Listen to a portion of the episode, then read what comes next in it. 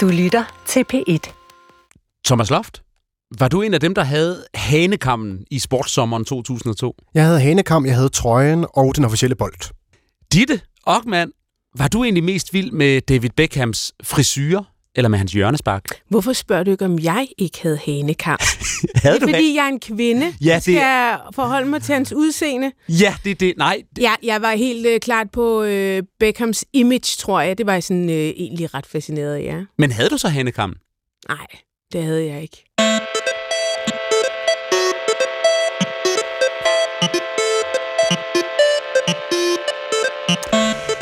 Jeg havde heller ikke mod til hanekammen i sommeren 2002.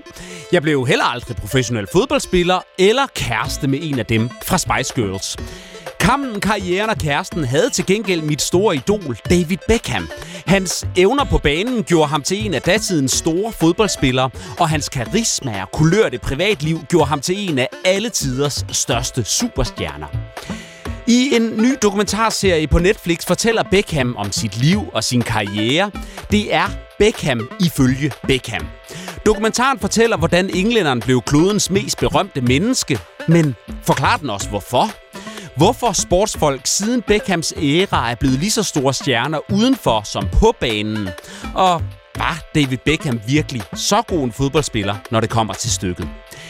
Anmelderne har set Netflix-serien Beckham, og i dag der er vi Ditte Ockmann, journalist, sladderekspert og vært på podcasten Det Vi Taler Om, og Thomas Loft, journalist og sportsvært her i DR på P4's Liga og på øh, podcasten Fodboldlisten. Velkommen til jer to. Mange tak. Tak. Jeg hedder Mathias Hammer. Dit misogyne røvhul. Lige inden vi gik ind i studiet, øh, Kom det med. fjernede jeg... Øh, savlede du mest over? David, det skal du nok ikke spørge om. Nej. Nå, nu kommer der en lille værkspræsentation.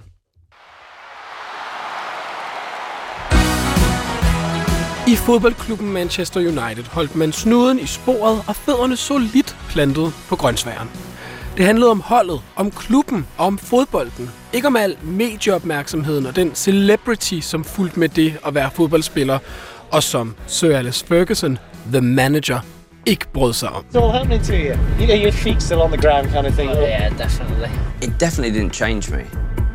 way he changed. There's no doubt about that. And and I think that that media attention he was getting and being become a celebrity was different from what I wanted.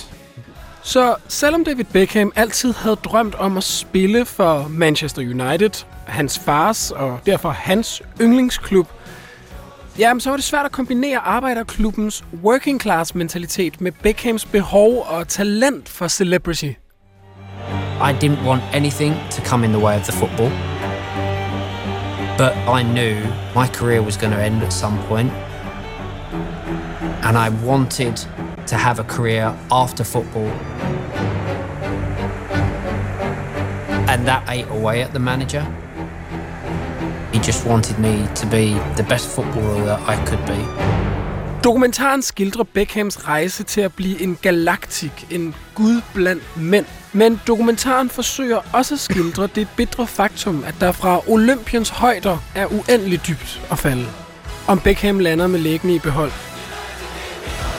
Det må du se dokumentaren for at finde ud af. Okay, Beckham er en, synes jeg, lækker serie. Den er velproduceret, den har en generøst fortællende David Beckham, og så en kø af legender, der vil give deres besøg med. Vi har Spice Girls hustruen Victoria, vi har altså manageren Alex Ferguson, holdkammeraten Erik Cantona og mange, mange flere. Beckhams historie, det er en, man til sydenlandet gerne vil være med til at fortælle. Og det får mig til at tænke på, Thomas, er det fordi Beckham er en af de største fodboldspillere i historien? Overhovedet ikke. Det er han på ingen måde. Der er mange andre over ham. Altså Maradona, Pelé, Johan Cruyff, Lionel Messi, Ronaldo, både den, øh, den brasilianske og den portugisiske. Han var ikke en, han var ikke en særlig grå fodboldspiller til sådan all-round-delen, og han var også lidt et dieseltog. Han var utrolig langsom, og han kunne blive dækket op af enhver venstreback nu om dagen. Men han kunne sparke, og han kunne sætte en bold, placere den simpelthen på en tallerken, hvis han skulle sparke fra 50 meters afstand. Mm. Det var hans styrke. Hele dokumentaren begynder med hans øh, et af karrierens første mål for Manchester United, hvor han sparker den ind fra på den anden side af, af ja. midterlinjen. Mod øh, Wimbledon. Mod Wimbledon, ja, ja, lige præcis. Så det var, han havde øh, et, et spark, et hjørnespark, straffespark, Ja, ja, frispark. og, øh, det må man sige, og jeg tror også i den her, hvis vi nu skal kalde det værket, for nu blev lidt højstemt, ikke? den her Ja. dokumentar i fire episoder, så er alle hans mål jo også med i øh, de fire episoder. Der, er- jamen, der er jo ikke et, et mål, han har lavet, som ikke er med i episoderne. Simpelthen, så- så mange mål scorede han heller ikke, men vi får lov til at se alle de mål, han lavede, også den store betydning, hver eneste mål havde. Som målfejl tror jeg heller ikke, han var i sidste. Nej, jeg læste lige, at han har scoret 17 mål på det engelske landshold på 105 kampe. Jeg tror, vi så alle 17 i episode 2. Ja. Okay, men Ditte, det vil sige, øh, David Beckham er måske ikke den bedste fodboldspiller nogensinde. Han er måske heller ikke blandt de 10 bedste. Nej, det vil jeg heller ikke sige nej. Nej. Øh, men ikke desto mindre, så er... Ja, du, du ved det ikke. Nej, jeg aner, det- jeg aner det ikke, nej. Nej, men, øh, men Beckham er alligevel en af de mest kendte mennesker, jeg lige vil sige, der nogensinde har levet, i hvert fald i de seneste øh, årtier.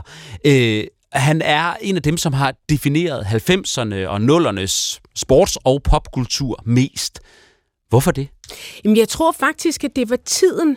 Øhm, det var som om, at man behøvede, altså, man behøvede ikke kun at være en kæmpe filmstjerne for at blive en kæmpe stjerne. Hvis man kigger på modellerne i samme periode, øh, så vil man også kunne se, at de kommer også til at fylde meget mere end bare i et magasin. Øh, Helena Christensen, Naomi Campbell, Kate Moss. Altså, der var en kæmpe dyrkelse af, øh, af individ og personerne, smukke mennesker, og øh, der, der blev sådan en øh, kæmpe interesse øh, for deres privatliv, og hvordan de, ja, hvordan de levede, og øh, hvor mange stoffer de tog, og... Mm.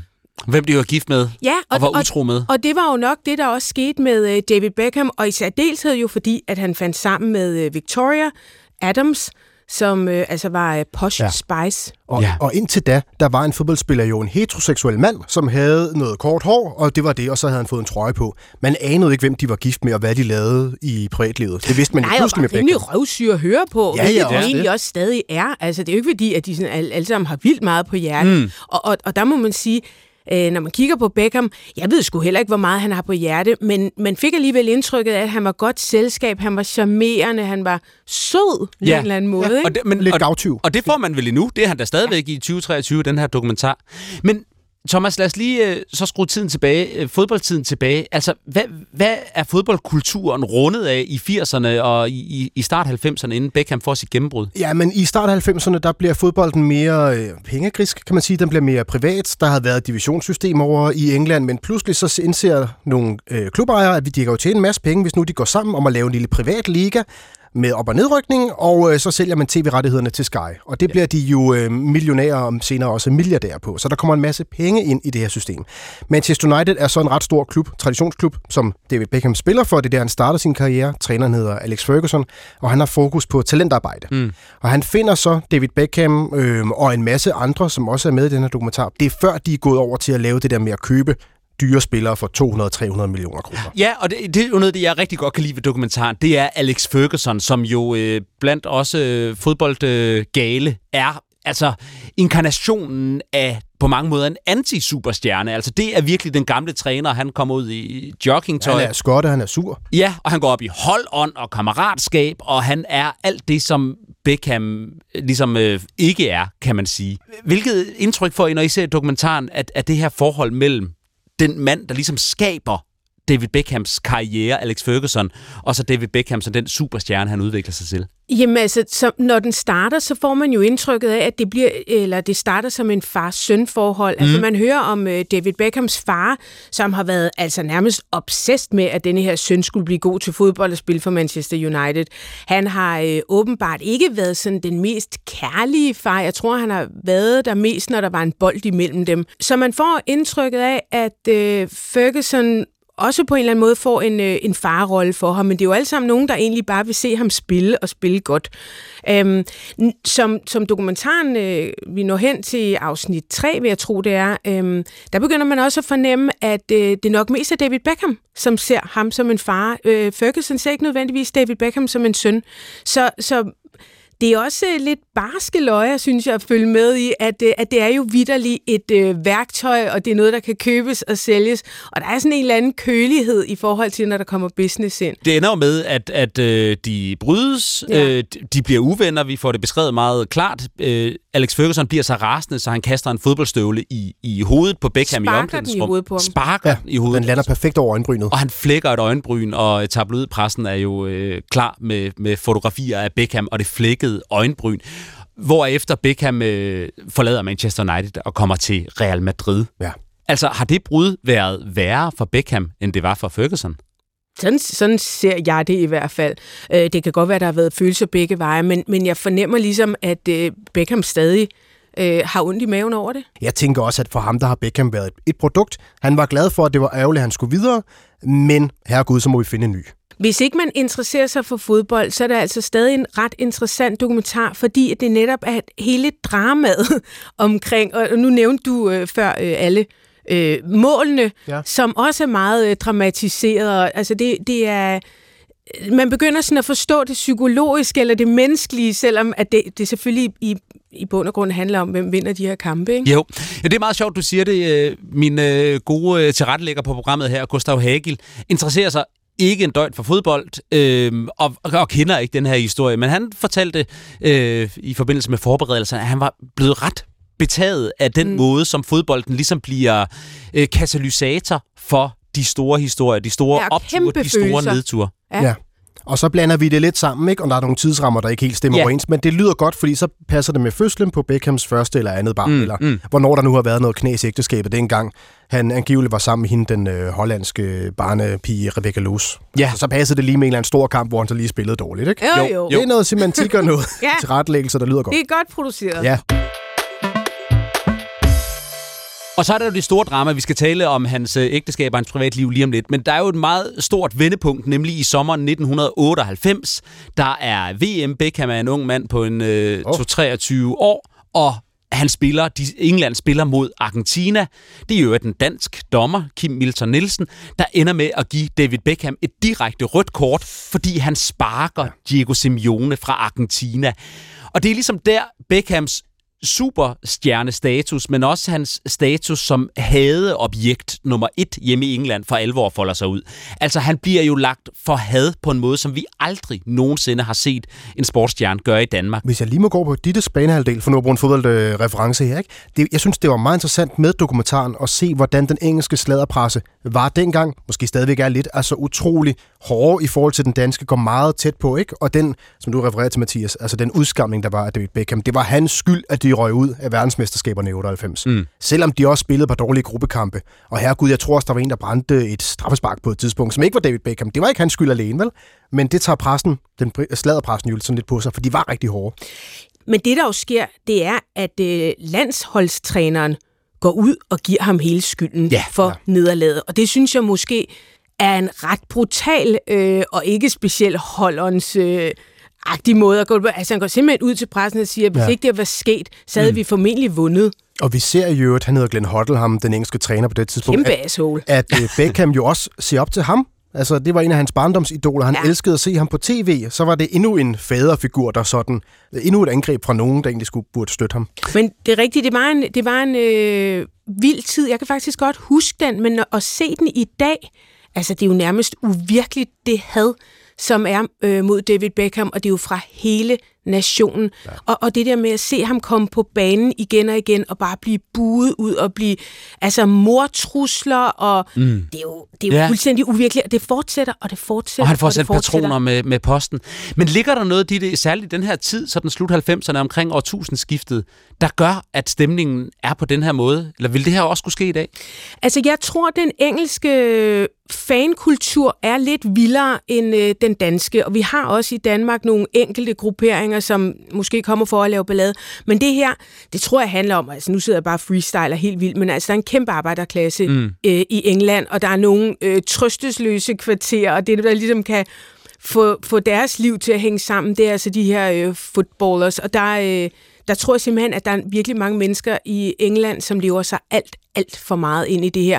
Og så har, er, altså, er England også kendt for at have, Storbritannien, men nok mest England, for at have en øh, brutal presse. Ja, altså, der er, fordi der, det er jo den, der fører an. i den grad, ja, de, de, det, det gør de helt sikkert, men altså man kunne også godt måske forvente, at altså, den almindelige bloke ligesom også havde en lille smule fornuft med sig, ja. og, det, og det er altså bare, det ruller der ud af. Jeg synes, skildringen af den her øh, tabloidpresse, altså, jeg, jeg bliver virkelig chokeret over, ja. hvad de finder på. Ja, og det er jo, en, Ja, det er jo ni måneder efter... Den danske presse er spejderdreng ved siden af. Ja, kan det skal jeg lige love for. Det er jo ni måneder efter Lady Diana. Øh, Princess Diana jo kørt galt i tunnelen med resten af følgeskabet i bilen, mm. ikke? Og der var jo ellers lidt selvrensagelse dengang, ikke? Og man, nu skulle man ikke være lige så grove i metoderne, som man var øh, op til august øh, 1997, og alligevel så så vi alle de personangreb, der var. For det sælger jo også. Og David Beckham solgte helt vildt meget, når han var på forsiden. Ja. Altså, hvilken magt fik popkulturen i den her periode? Jeg tror på nogle punkter kunne man sige, at den var alt overskyggende. Altså, vi, det, var, det var dem, man, vi så op til.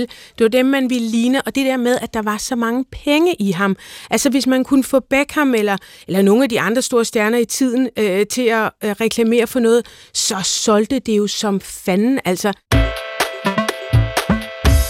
Dokumentaren her er jo fortalt i høj grad af Beckham, og det er jo noget af det, der gør den så attraktiv, synes jeg, at han deler så generøst ud af sit eget liv og sine, sine egne minder, og egentlig tager det så relativt afslappet, når han fortæller om at blive lagt for had, og, og hvad der står i avisen, og hvad han modtager af, af, af dødstrusler med, med posten.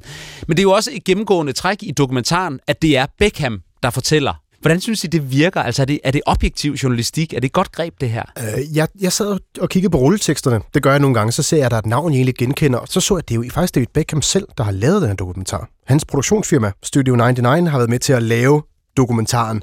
Øh, og har også haft, øh, har haft lov til at sige, hvilke klip, der skulle med eller ej. Så ja, den er, den er jo rigtig godt fortalt, men, men kunne den være fortalt anderledes, hvis det nu var en objektiv, der havde gjort det her, ikke? Til gengæld så får de jo en adgang her, som DR eller TV2 eller BBC eller ITV, hvis det var England, jo ikke ville have. ja, man kan sige, det der selvfølgelig er det dårlige ved den, det er jo, at vi misser nogle ting. Blandt andet utroskaben. Den springer de hurtigt Den over. springer de hurtigt over. Det var jo øh, sådan, at øh, David Beckham havde nogle ture rundt omkring, blandt andet også her i Danmark, hvor han øh, så med nogle forskellige øh, kvinder, og en af dem, Rebecca Luce, blev øh, kendt ved navn, og den historie jo, den hopper de meget hurtigt over.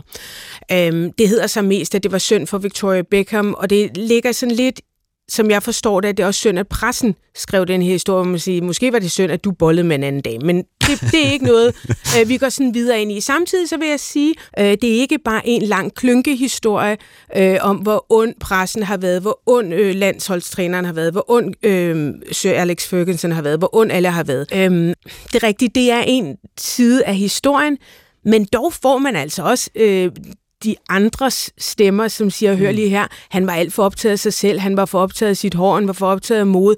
Det gik af helvedes til, han spillede dårligt. Altså, der var... Men jeg tror ikke, der var en anden side, sådan rigtigt. Der, jeg tror ikke, der var sådan en stor skandale. Jo, der var utroskab, og jeg tror også, han har fået frataget sit kørekort på et tidspunkt. Men mm. der var ikke sådan en, du ved, man åbner og lover, så var der en, en voldtægtsanklage, som der jo var mod Cristiano Ronaldo, for eksempel, på et hotel i Las Vegas. Mm-hmm. Sådan en ting er der ikke med David Beckham, hvad jeg ved i hvert fald. Men der har så alligevel været en del utroskab i hvert fald. Ja, der var Hotel Royal i Aarhus, øh, værelse Ja, det var der. 215, hvor øh, en, en dansk kvinde i hvert fald påstod, mm, hun øh, havde en skøn aften, Ja. David Beckham. Ja. Nu siger du, Ditte, øh, at det ikke er nogen klynkehistorie, mm. og det øh, lægger jeg også mærke til, og det kan jeg enormt godt lide ved den. Når jeg ser den, så får jeg en fornemmelse af, at der også er en sådan stor øh, uskyldsrenhed, eller i virkeligheden en stor naivitet hos David Beckham. Han er bare en glad dreng, der har oplevet mere end de fleste, og det fortæller han en lille smule om, og så, jamen, så spillede han, og han ville gerne, fodbold var det vigtigste, og så så han Victoria i fjernsynet og forelskede sig i hende, og så var hun også forelsket i ham, og så var der Ja. en, der sagde, kom til Madrid, og så gjorde han det. Og, altså, det virker som om, det er bare sådan et tilfælde, der er dumpet ned i hans Ja, men turban. jeg synes, han forholder sig til det følelsesmæssigt dog. Altså, han siger, at han elskede Real Madrid, men det var ikke hans ønske at spille for Real Madrid. Altså, jeg synes alligevel, at han er sådan lidt mere ærlig end bare, at det hele skete bare omkring ham. Men der er jo ingen tvivl om, at David Beckhams image har jo altid været, at han var lidt dum. Ja. At han nærmest ikke kunne sætte to sætninger sammen. At han var bare en pretty boy, som kunne sparke til en bold, ikke? Og øh, det synes jeg egentlig også er meget sjovt. Den del også egentlig er med. Øh, Men hør lige her, altså er det ikke også øh, blændværk, hvis man bliver verdens største superstjerne, bliver gift med den anden verdens største Ja. superstjerne, skaber sig et altså en fantomkarriere, både på banen, men jo også i det her tilfælde i høj grad uden for banen. Det kan man vel ikke, hvis bare hvis man øh, kun er en naiv, glad fodbolddreng. Altså, han, han må da være mere udspekuleret end som så. Ja, det kan det godt være. Det synes jeg ikke rigtig en facet, man sådan rigtig får øh, fortalt. rigtigt. Øh, men nej, altså, den facet synes jeg måske, jeg mangler en lille smule. Victoria medvirker også rigtig meget og meget åbenhjertigt. Og jeg kan ikke lade være med at tænke på, hvilken rolle hun spiller i Jeg hans gad godt se en dokumentar af hende. i hans brand. Mm. Altså, er det hende, der sidder derhjemme og trækker i trådene?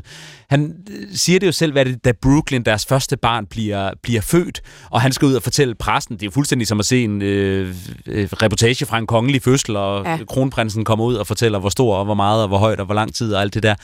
At så skal hun, Victoria, hun skal lige sætte hans hår. Men det er jo faktisk ham, der beder om det. Ja, Og det, det synes jeg egentlig er lidt skægt. Altså den der øhm, øh, forfængelighed, som han faktisk også bringer ind i det forhold. Jeg har altid syntes, det var lidt uretfærdigt, hvordan hun er blevet fremstillet egentlig. Ja. Øh, hun er blevet fremstillet som pisse sur, øh, som en kontrolfreak, som en, der holdt ham i øh, tæt snor. Og der er måske ingen tvivl om, at hun har forstyrret hans boldspil, men øh, jeg synes også, at man får at se, at det er jo ham, der er en kæmpe kontrolfreak. Han har jo, han lider, altså jeg, jeg sad og tænkte, at han lider af en virkelig svær OCD på nogle punkter. Det gør han vist også. Altså, det er vist øh, konstateret, fordi han skal lægge sin trøje i farvekoordination, ikke? Også, Jo, og deres hjem er sådan helt altså absurd rent. Det ligner jo ikke, at der er nogle rigtige mennesker, der bor der. Nej, men det er altså og ham. han fortæller selv om det, hvordan han Ja, skal præcis. tørre af med klud. Øh, og... og der, der, der er det egentlig mit indtryk, at hun er meget mere øh, varm og humoristisk, end hun måske har fået øh, kredit for. Men er det ikke meget med brok i den her dokumentar fra Victoria? Det er derfor, jeg gad godt se, at det var hende, der ligesom var hovedmålet. Ikke? Fordi hun, hun sidder der i sofaen og fortæller den anden vinkel, som jeg faktisk synes er ret interessant. Det der med at være øh, hustru eller være ægtefælle til en fodboldspiller, en anden professionel type, der så siger, Nå, nu skal vi flytte til USA Ja. lige pludselig. Ikke? Det må også være sindssygt hårdt at skulle omstille sig og have ansvaret for børnene og alt det der, mens manden Og de er ude har at spille. tre børn, og pludselig er det til et andet land, og så Ja. er de i Spanien, og det er besværligt. Så beslutter han sig for, at nu skal vi til Los Angeles. Han havde ikke lige indset, at fodbolden er på absurd lavt niveau derovre. Men de kommer derover, og Ja, børnene men falder... der var til gengæld absurd mange penge. Det var, var der. der. Men lige pludselig så nærmer der sig et, en VM-slutrunde, og det kommer han kun med, hvis han er i Europa. Så så må han tilbage til Milano Ja, ja. og efterlader... Jeg havde, Øh, jeg havde kvalt ham. nu skyder vi øh, Beckham-dokumentaren til hjørne. Ja. Øh, det er tid til kulturanbefalinger. Vi skal have en anbefaling fra os hver. Sport eller kendisstof, det er ligesom en øh, Netflix-algoritme. Hvis du kunne lide Beckham, så vil du også kunne lide det her. Ditte, en anbefaling Ja, dig. men altså, jeg begyndte at høre øh, Spice Girls igen, og det har jeg gjort øh, med min datter. Det er meget sjovt at introducere... Øh... Kan hun lide det? Jamen, hun synes, det er meget fedt. Ja. Øh, det er nok mig, der synes, det er lidt federe, men øh, det, har, det har dog de samme beats, som et barn også godt kan lide. Ja. Øhm, men jeg vil anbefale, udover at lytte noget Spice Girls, øh, så har jeg hørt en podcast på øh, DR Lyd, Mhm. det det? Det hedder det, ja. Kejserens nye klub. Og øh, jeg interesserer mig altså ikke en skid for fodbold, og det her, det handler overhovedet heller ikke om fodbold. Det handler om en øh, tysk pengemand, der hedder Claus Dieter Müller, som øh, beslutter sig for at købe øh, fodboldklubben Jammerbugt FC, mm-hmm. som altså træner i en lille soveby, der hedder Pandrup op i Nordjylland. Så sker der altså ting og sager, fordi hvem er denne her Claus Dieter Müller, og hvad er hans øh, baggrund egentlig, og hvad fanden er det egentlig, han vil ja. Ja. med Jammerbugt FC? Det er en ret spændende dokumentar, synes jeg. Kejserens nye klub. Ja. Tak. Thomas, en anbefaling fra dig? Ja, og den er faktisk lavet af David Beckhams produktionsselskab. Det hedder Studio 99. De vandt The Treble. Tre titler i 1999. Øh, historien om Premier League, som ligger på DR TV. Øh, Wow. Engelsk produceret. Og fortæller ligesom, hvordan ligaen starter, hvordan pengemændene går sammen og tjener en masse penge på det. Der er også en masse med David Beckham. Den kan man gå ind og finde på DR TV. To øh, DR-anbefalinger, så vil DR Verden her gerne øh, anbefale, at man bliver på Netflix og ser den øh, dokumentarserie, der er faktisk to sæsoner, som hedder Sunderland Till I Die. Øh, Jeg er meget optaget af, at, at det der med øh, en by, befolkningen og fodboldholdet, og den symbiose, og den synergi, der er imellem øh, befolkningen og holdet. Det der med, at man holder med nogen, Altså i medgang og ikke mindst i modgang. Sunderland, det er en gammel engelsk mineby helt op ved den skotske grænse. En gang var det en øh, rig og mægtig by. I dag er det virkelig en, en udørk, og den eneste lyspunkt, der er i Sunderland, det er fodboldholdet, som engang var gode. Og pludselig begynder det i sæsonen 2017-18, hvor den her dokumentar følger holdet at gå rigtig galt. De rykker fra Premier League ned i Championship. De kan ikke få de rigtige spillere, de kan ikke få den rigtige træner. De taber, de taber, de taber. Det er simpelthen historien om en derut og om den her lille by, det her lokalsamfund, som holder med holdet, og som bare altså næsten ikke kan være i sig selv af ærgelse, af følelsen af ydmygelse, af elendighed, men samtidig aldrig slipper troen, slipper håbet om, at en dag så vil Sunderland være på toppen igen. Det er de ikke kommet siden, men øh, derfor kan man godt se Sunderland til I Die. Gud, det var flot fortalt. Ja, det Jeg var. skulle da også have fortalt på den der måde der. Ja, Nå, tak. Jamen, jeg var meget optaget af og du det. havde ikke engang skrevet det ned. Nej, hvad siger I så? Ja. Nå, det er Eller godt. også havde han Der er jo en det. grund til, at det er øh, Mathias, der er vært. Ikke? Jeg har stået foran spejlet hele morgenen og prøvet at sige det her. Ditte, hvad oplever du, at dokumentaren gerne vil fortælle? Jamen, den vil, vil fortælle David Beckhams historie. Altså, egentlig meget enkelt, og den bliver jo så også fortalt med hans stemme primært. Øhm, men øhm, uanset hvad, så vil jeg sige, at den er altså bestemt værd at se, og det er, et, øh, jeg elsker dramaet. Jeg elsker virkelig dramaet i, i fortællingen. Mm. Thomas, øh, nu indledte du med at sige, at David Beckham på ingen måde var, var øh, verdens bedste fodboldspiller. Det lyder også meget, meget hårdt, ikke? Men jeg, jeg, jeg vil ja. Gerne øh, støtte dig. Jeg havde okay. Okay. tænkt, du sikkert ville øh, svare på den måde. Men hvilken betydning fik han så som person for fodboldkulturen, der er fulgt efter de ja. seneste 15-20 år? Jamen til det, jeg sagde lidt tidligere med, at du bare puttede en mand med kort hår, der var heteroseksuel ned i en trøje, så satte ham ind på en bane. Han var jo den første metroseksuelle spiller. Han var den første, man interesserede sig for, hvad laver han egentlig uden for banen. Grunden til, at jeg stjal min fars dankort og gik ind og købte en trøje og en bold og en øh, hanekamp, var jo, at jeg ville være ham. Jeg, ville, jeg tog hjørnespark på mit hold, fodboldhold. Også selvom han ikke var verdens bedste spiller. Han var en af verdens bedste til at sparke øh, både mm. frispark og hjørnespark og straffespark også. Mm. Øh, men den der betydning af, ham vil jeg være, når jeg gik på banen. Sådan havde jeg det ikke med nogen spiller før. Jeg så ham. Dokumentarserien Beckham er altså øh, tilgængelig på Netflix. Der er fire afsnit. Det er knap 5 timer til øh, fodbold og til kendis elsker.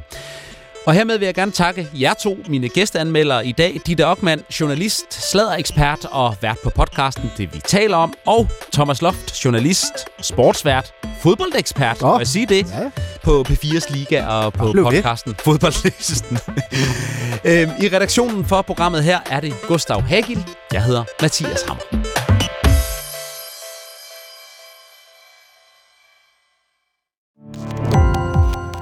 Gå på opdagelse i alle DR's podcast og radioprogrammer. i appen DR Lyd.